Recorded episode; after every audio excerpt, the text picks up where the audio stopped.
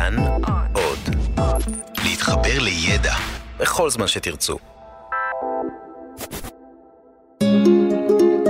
היסטוריה לילדים עם יובל מלכי.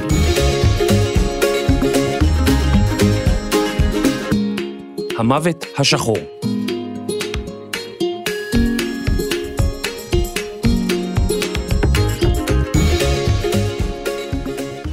בשנת 1347, לפני כ-700 שנה, הייתה אירופה במצב כלכלי מצוין.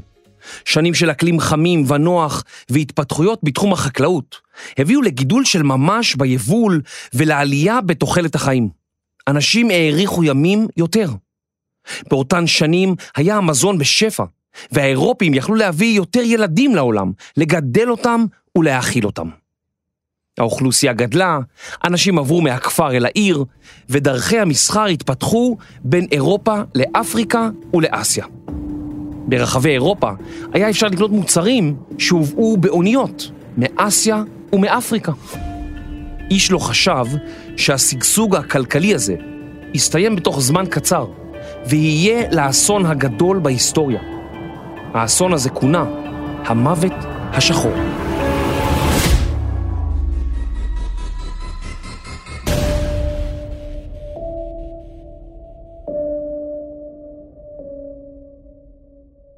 בשנת 1096, לפני כאלף שנים, יצאו האירופים למסעי צלב וכבשו את ארץ ישראל.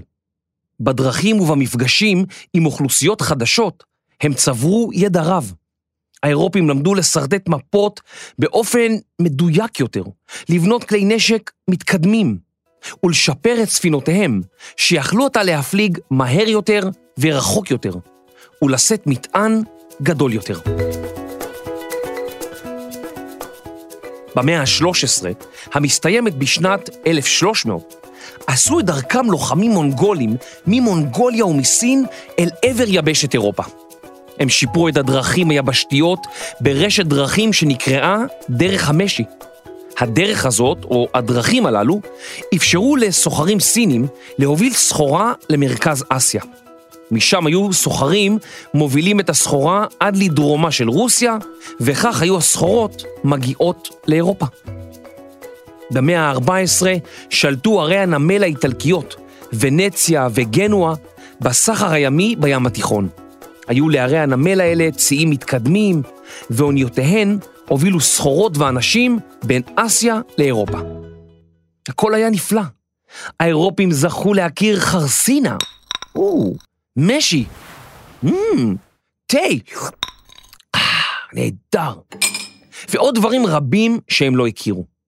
האירופים התלהבו כל כך, שהם לא שמו לב לשמועות.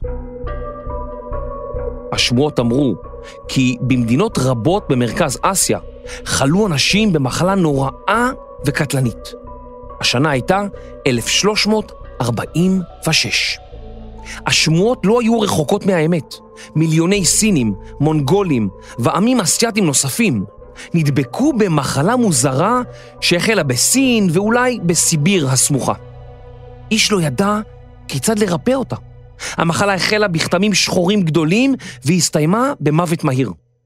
עד מהרה היא הגיעה גם אל הלוחמים המונגולים שעמדו בשערי העיר קפה בדרום רוסיה. או, תראו, יש לי עיגול שחור על היד. או, או, או, זה היה מהיר. המונגולים שצרו על העיר קפה נדבקו גם הם במחלה, והחלו לאבד חיילים רבים. הם איבדו עניין במצור, אבל רגע לפני שהסתלקו, הם השליכו אל תוך העיר גופות מצחינות של מונגולים שחלו ומתו. הגופות הללו, חוסר המזון, התברואה הירודה, או חוסר הניקיון וההיגיינה, היו קרקע פוריה להתפשטות המחלה המוזרה. אוף, עוד פעם המונגולים זורקים עלינו גופות מסריחות. פי, איזה ריח! מה זה הריח הזה? או, יופי. עכשיו הריח הזה נכנס ישר לתוך האוטו של הילדים שמאזינים לתוכנית. ממש זרקתם פה גופות, חבורה של מונגולים. תראו את הילדים באוטו, לא יכולים לנשום. מלאכים איטלקיים מגנואה ששהו בכיפה, נסו מהעיר והפליגו בחזרה לבתיהם, בלי לדעת שהם נושאים את המחלה בעצמם. חולדות נגועות במחלה שהסתתרו על הספינה, נשאו גם הן את החיידק הקטלני. באותם ימים איש מהם לא יכול היה לדעת אם הוא נושא או לא נושא חיידק קטלני במיוחד. עוד לא היו מכשירים או מיקרוסקופ בו אפשר לראות חיידקים. המסחר בין סין לאירופה, דרך הסוחרים והמדינות במרכז אסיה, המשיך לפעול. סחורות הגיעו גם לחופי טורקיה של ימינו, ומשם ספינות איטלקיות נשאו את הסחורות לאיטליה ולערים נוספות באירופה. על האוניות הללו היו נוסעים סמויים, או חולדות, שהיו מכוסות בפרושים. הפרושים הללו נשאו את החיידק הקטלני, שגרם למחלת דבר קטלנית בעצמה.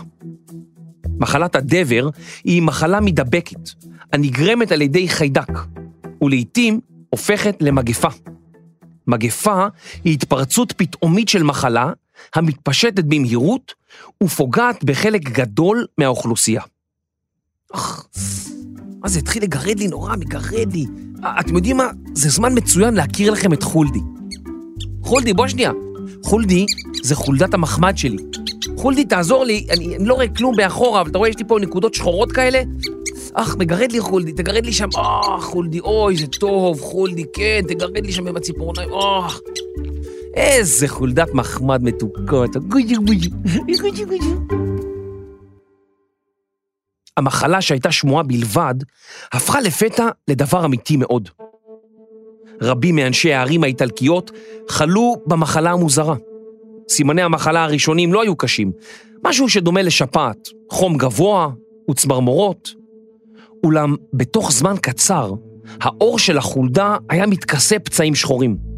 זו הייתה תופעה חדשה לגמרי, והרופאים לא ידעו מהי המחלה ואיך אפשר להתמודד איתה.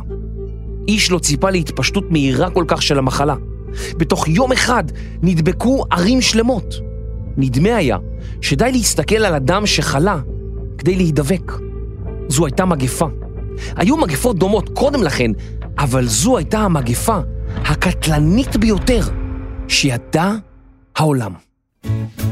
שלום! מי אמר מגפה ולא קיבל? יש לי מגפה יפה יפה, מי רוצה אותה? מי רוצה? ראשון, מי רוצה מגפה?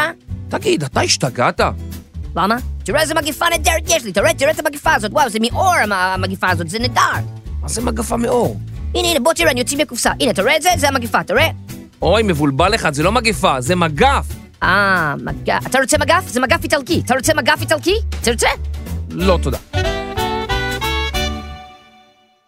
בעזרת האמצעים שמעמיד לרשותנו המדע היום, אנחנו יכולים לשער מה בדיוק קרה באירופה לפני כמה מאות שנים. החיידק ירסיניה פסטיס היה ככל הנראה הגורם למחלה. ואם תדעו לומר את השם הזה, תישמעו חכמים מאוד. ירסיניה פסטיס. אותו חיידק נצמד לפרושים, שבילו להם על גבי חולדות ועכברושים. אותם עכברושים חיפשו מזון ומצאו כל מיני ארגזים שריחם נעם להם. הם נכנסו לתוכם והתחילו לאכול. הארגזים הללו הועמסו על ספינות, וכך הגיעה המחלה מסין לאירופה. אז פגשתם כבר את חולדי, אבל הבאתי עוד מישהו, הבאתי את חיידק המחמד שלי לאולפן, ואל תדאגו, הוא חיידק מאולף. ירסי, בוא לאבא. בואי הנה, בואי הנה, מי חיידק טוב? מי חיידק טוב? אוי אוי אוי, בואי הנה, יא חי! למה אתה עוקץ? אך, אמרתי לך שאסור לעקוץ, נכון?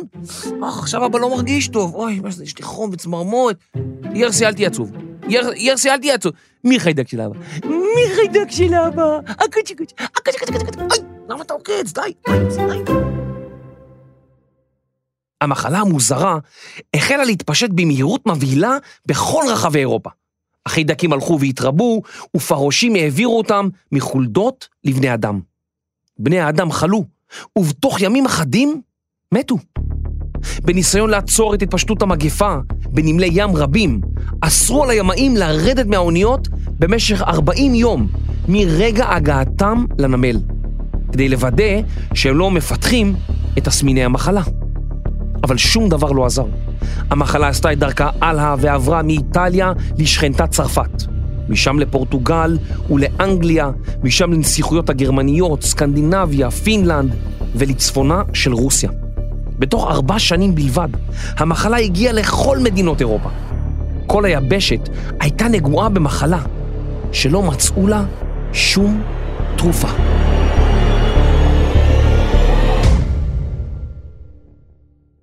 לפני מאות שנים, מדע הרפואה לא היה מפותח כמו היום. אז עוד לא ידעו על קיומם של חיידקים, ולכן הרופאים לא יכלו להסביר מה גורם למחלה, איך למנוע אותה, או איך לרפא את החולים. הבא בתור?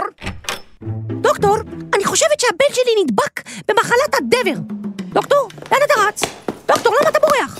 דוקטור, למה אתה קופץ החוצה מהחלון? איזה דוקטור מוזר זה. דוקטור, מהר? מה, מה יש לו לדוקטור הזה? אף פעם לא ראיתי דוקטור בורח ככה מהר. מה כבר אמרתי? דבר? לכנסייה הנוצרית הייתה השפעה רבה ביבשת אירופה, ורוב האנשים חיו באמונה שהמחלה היא עונש מאלוהים על התנהגותם הלא מוסרית. רבים מהם התפללו בכנסיות וביקשו את עזרת האל, אך דבר לא קרה. גם אנשים שחיו בחטא, על פי המדדים של הכנסייה, וגם הנוצרים האדוקים ביותר, מתו מהמחלה. חוסר הוודאות והפחד מהמחלה הפכו את אירופה למקום מנוכר ואכזר. כמרים סירבו להגיע לבתי הגוססים, לשמוע וידוי אחרון ולערוך להם טקסי השכבה, והורים נטשו את ילדיהם החולים. האירופים התחילו להאמין ששום דבר לא יכול להציל אותם. הם ראו במו עיניהם כיצד העולם מגיע אל קיצו. המגפה הנוראה השתוללה באירופה שש שנים תמימות. מעריכים כי בשנים הללו, כי שליש עד חצי מכל תושבי אירופה מתו במגפה. שליש עד חצי. תארו לכם ערים שלמות נטושות, שדות עצומים לא מעובדים. הכל נראה כמו סרט רע, רק שאז עוד לא היו סרטים. תארו לכם שאחד מכל שלושה אנשים שאתם מכירים פשוט נעלם. זה היה ממש מפחיד.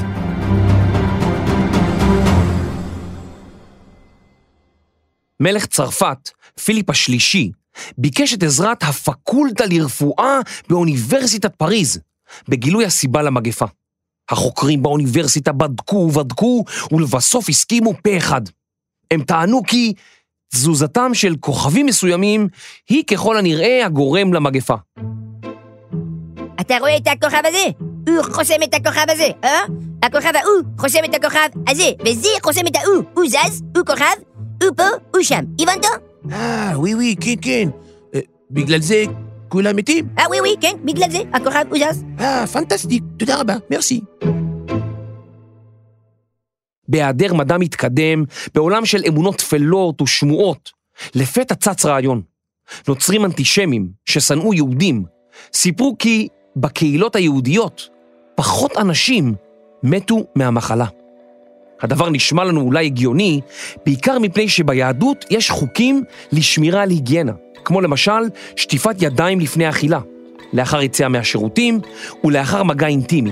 אך למעשה, שיעור התמותה מדבר בקרב יהודים היה כפי הנראה שווה לשיעור התמותה של הנוצרים. וכמובן, שטיפת ידיים אינה מפחיתה את הסיכון להידבק במחלה, כיוון שהיא מועברת בעקיצת פרעוש. נוצרים החלו לענות יהודים, עד שלבסוף יהודים שעונו בעיירה בשוויץ הודו כי שפכו רעל לתוך בארות מי השתייה כדי להרוג נוצרים. הודעתם נרשמה והופצה לקהילות אחרות באירופה. כפי שהמחלה התפשטה במהירות, כך התפשטו ההאשמות נגד היהודים. הם הואשמו בפיזור אבקה רעילה בבארות ואפילו בנהרות, כדי להשמיד את העולם הנוצרי. כדי לעצור את התפשטות המגפה ולעצור את קללת האל, החלו אנשי אירופה לפגוע ביהודים ולהרוג אותם. קהילות יהודיות שלמות ברחבי גרמניה ומדינות מערב אירופה הושמדו עד היסוד. בכתבים ההיסטוריים נכתב כך: ובארץ אשכנז העלילו על היהודים ואמרו, השליכו מוות בבארות, ויאסרום בשוטים ובעקרבים, וישרפום באש, ותלהט האש את בתיהם ואת הקרובים אליהם. האפיפיור, קלמנס השישי, גינה את הרציחות והוציא שני מכתבים פומביים האוסרים מעשה מסוג זה. למרות זאת, המוות השחור ומעשי האלימות נגד היהודים חיסלו את קהילות יהדות מערב אירופה, כמעט לחלוטין. והיו גם מקומות שאליהם לא הגיעה המחלה. קהילות שחיו בערי האלפים או באזורים מבודדים, בספרד, בהולנד ובבלגיה, ולא היה להם מסחר ישיר עם סוחרים ממדינות זרות, לא נדבקו במחלה. המחלה הגיעה גם לאזור שלנו, למזרח התיכון, למצרים ומשם לעזה, אשקלון, ירושלים ועכו. היא הפילה חללים רבים, אך איננו יודעים כמה בדיוק. המחלה המשיכה להתפשט צפונה, לערים בסוריה ובלבנון של ימינו, לבגדד ולמכה. וחוקרים מעריכים כי כשליש מכלל האנשים שחיו אז במזרח התיכון מתו ממחלת הדבר. בשל התוצאות הקשות שלה ובשל הפצעים השחורים בעור, כונתה המחלה המוות השחור. המחלה הנוראה ותוצאותיה הביאו לשינויים מרחיקי לכת באירופה. רבים החלו להכין את עצמם ואת עירם למגפות עתידיות. הם חוקקו חוקים באשר להסגרים, היגיינה ציבורית וניקיון האזורים הציבוריים. האירופים תרו עכשיו אחר הסבר הגיוני למחלה, ופנו אל עולם המדע. הם כבר לא הסתפקו בהסברים על עונשים משמיים.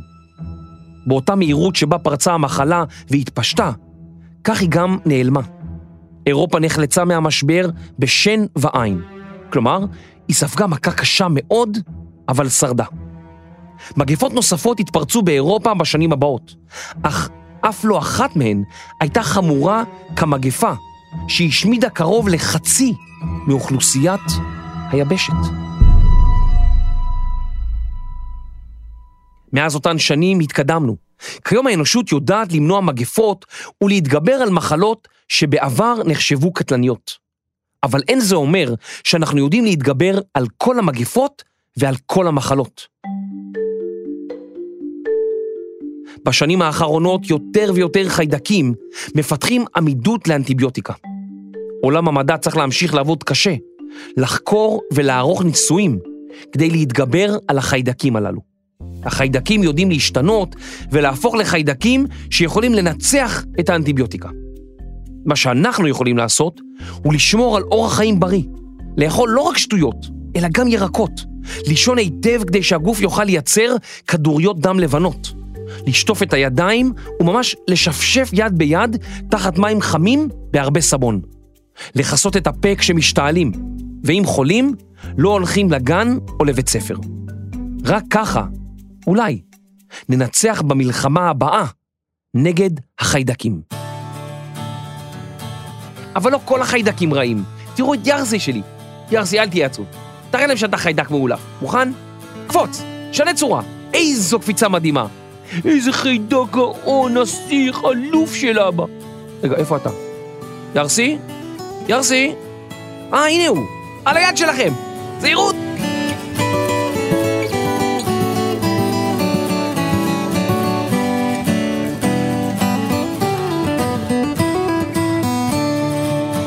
תודה לדוקטור קרן לנצמן על הייעוץ המקצועי לפרק. דוקטור לנצמן היא רופאה מומחית באפידמיולוגיה ובריאות הציבור, והיא חברת עמותת מדעת. מחקר כתיבה והרעלת בארות, תומר שלוש. עריכה וקריינות, יובל מלכי. עריכת לשון ואילוף חיידקים, רות אלמגור רמון ודוקטור סמדר כהן. מיקס, אפקטים והשלכת גופות מסריחות, אסף רפפורט. הפקה ופינוי חולדות, רני שחר ואייל שינדר. אני יובל מלכי, היסטוריה לילדים.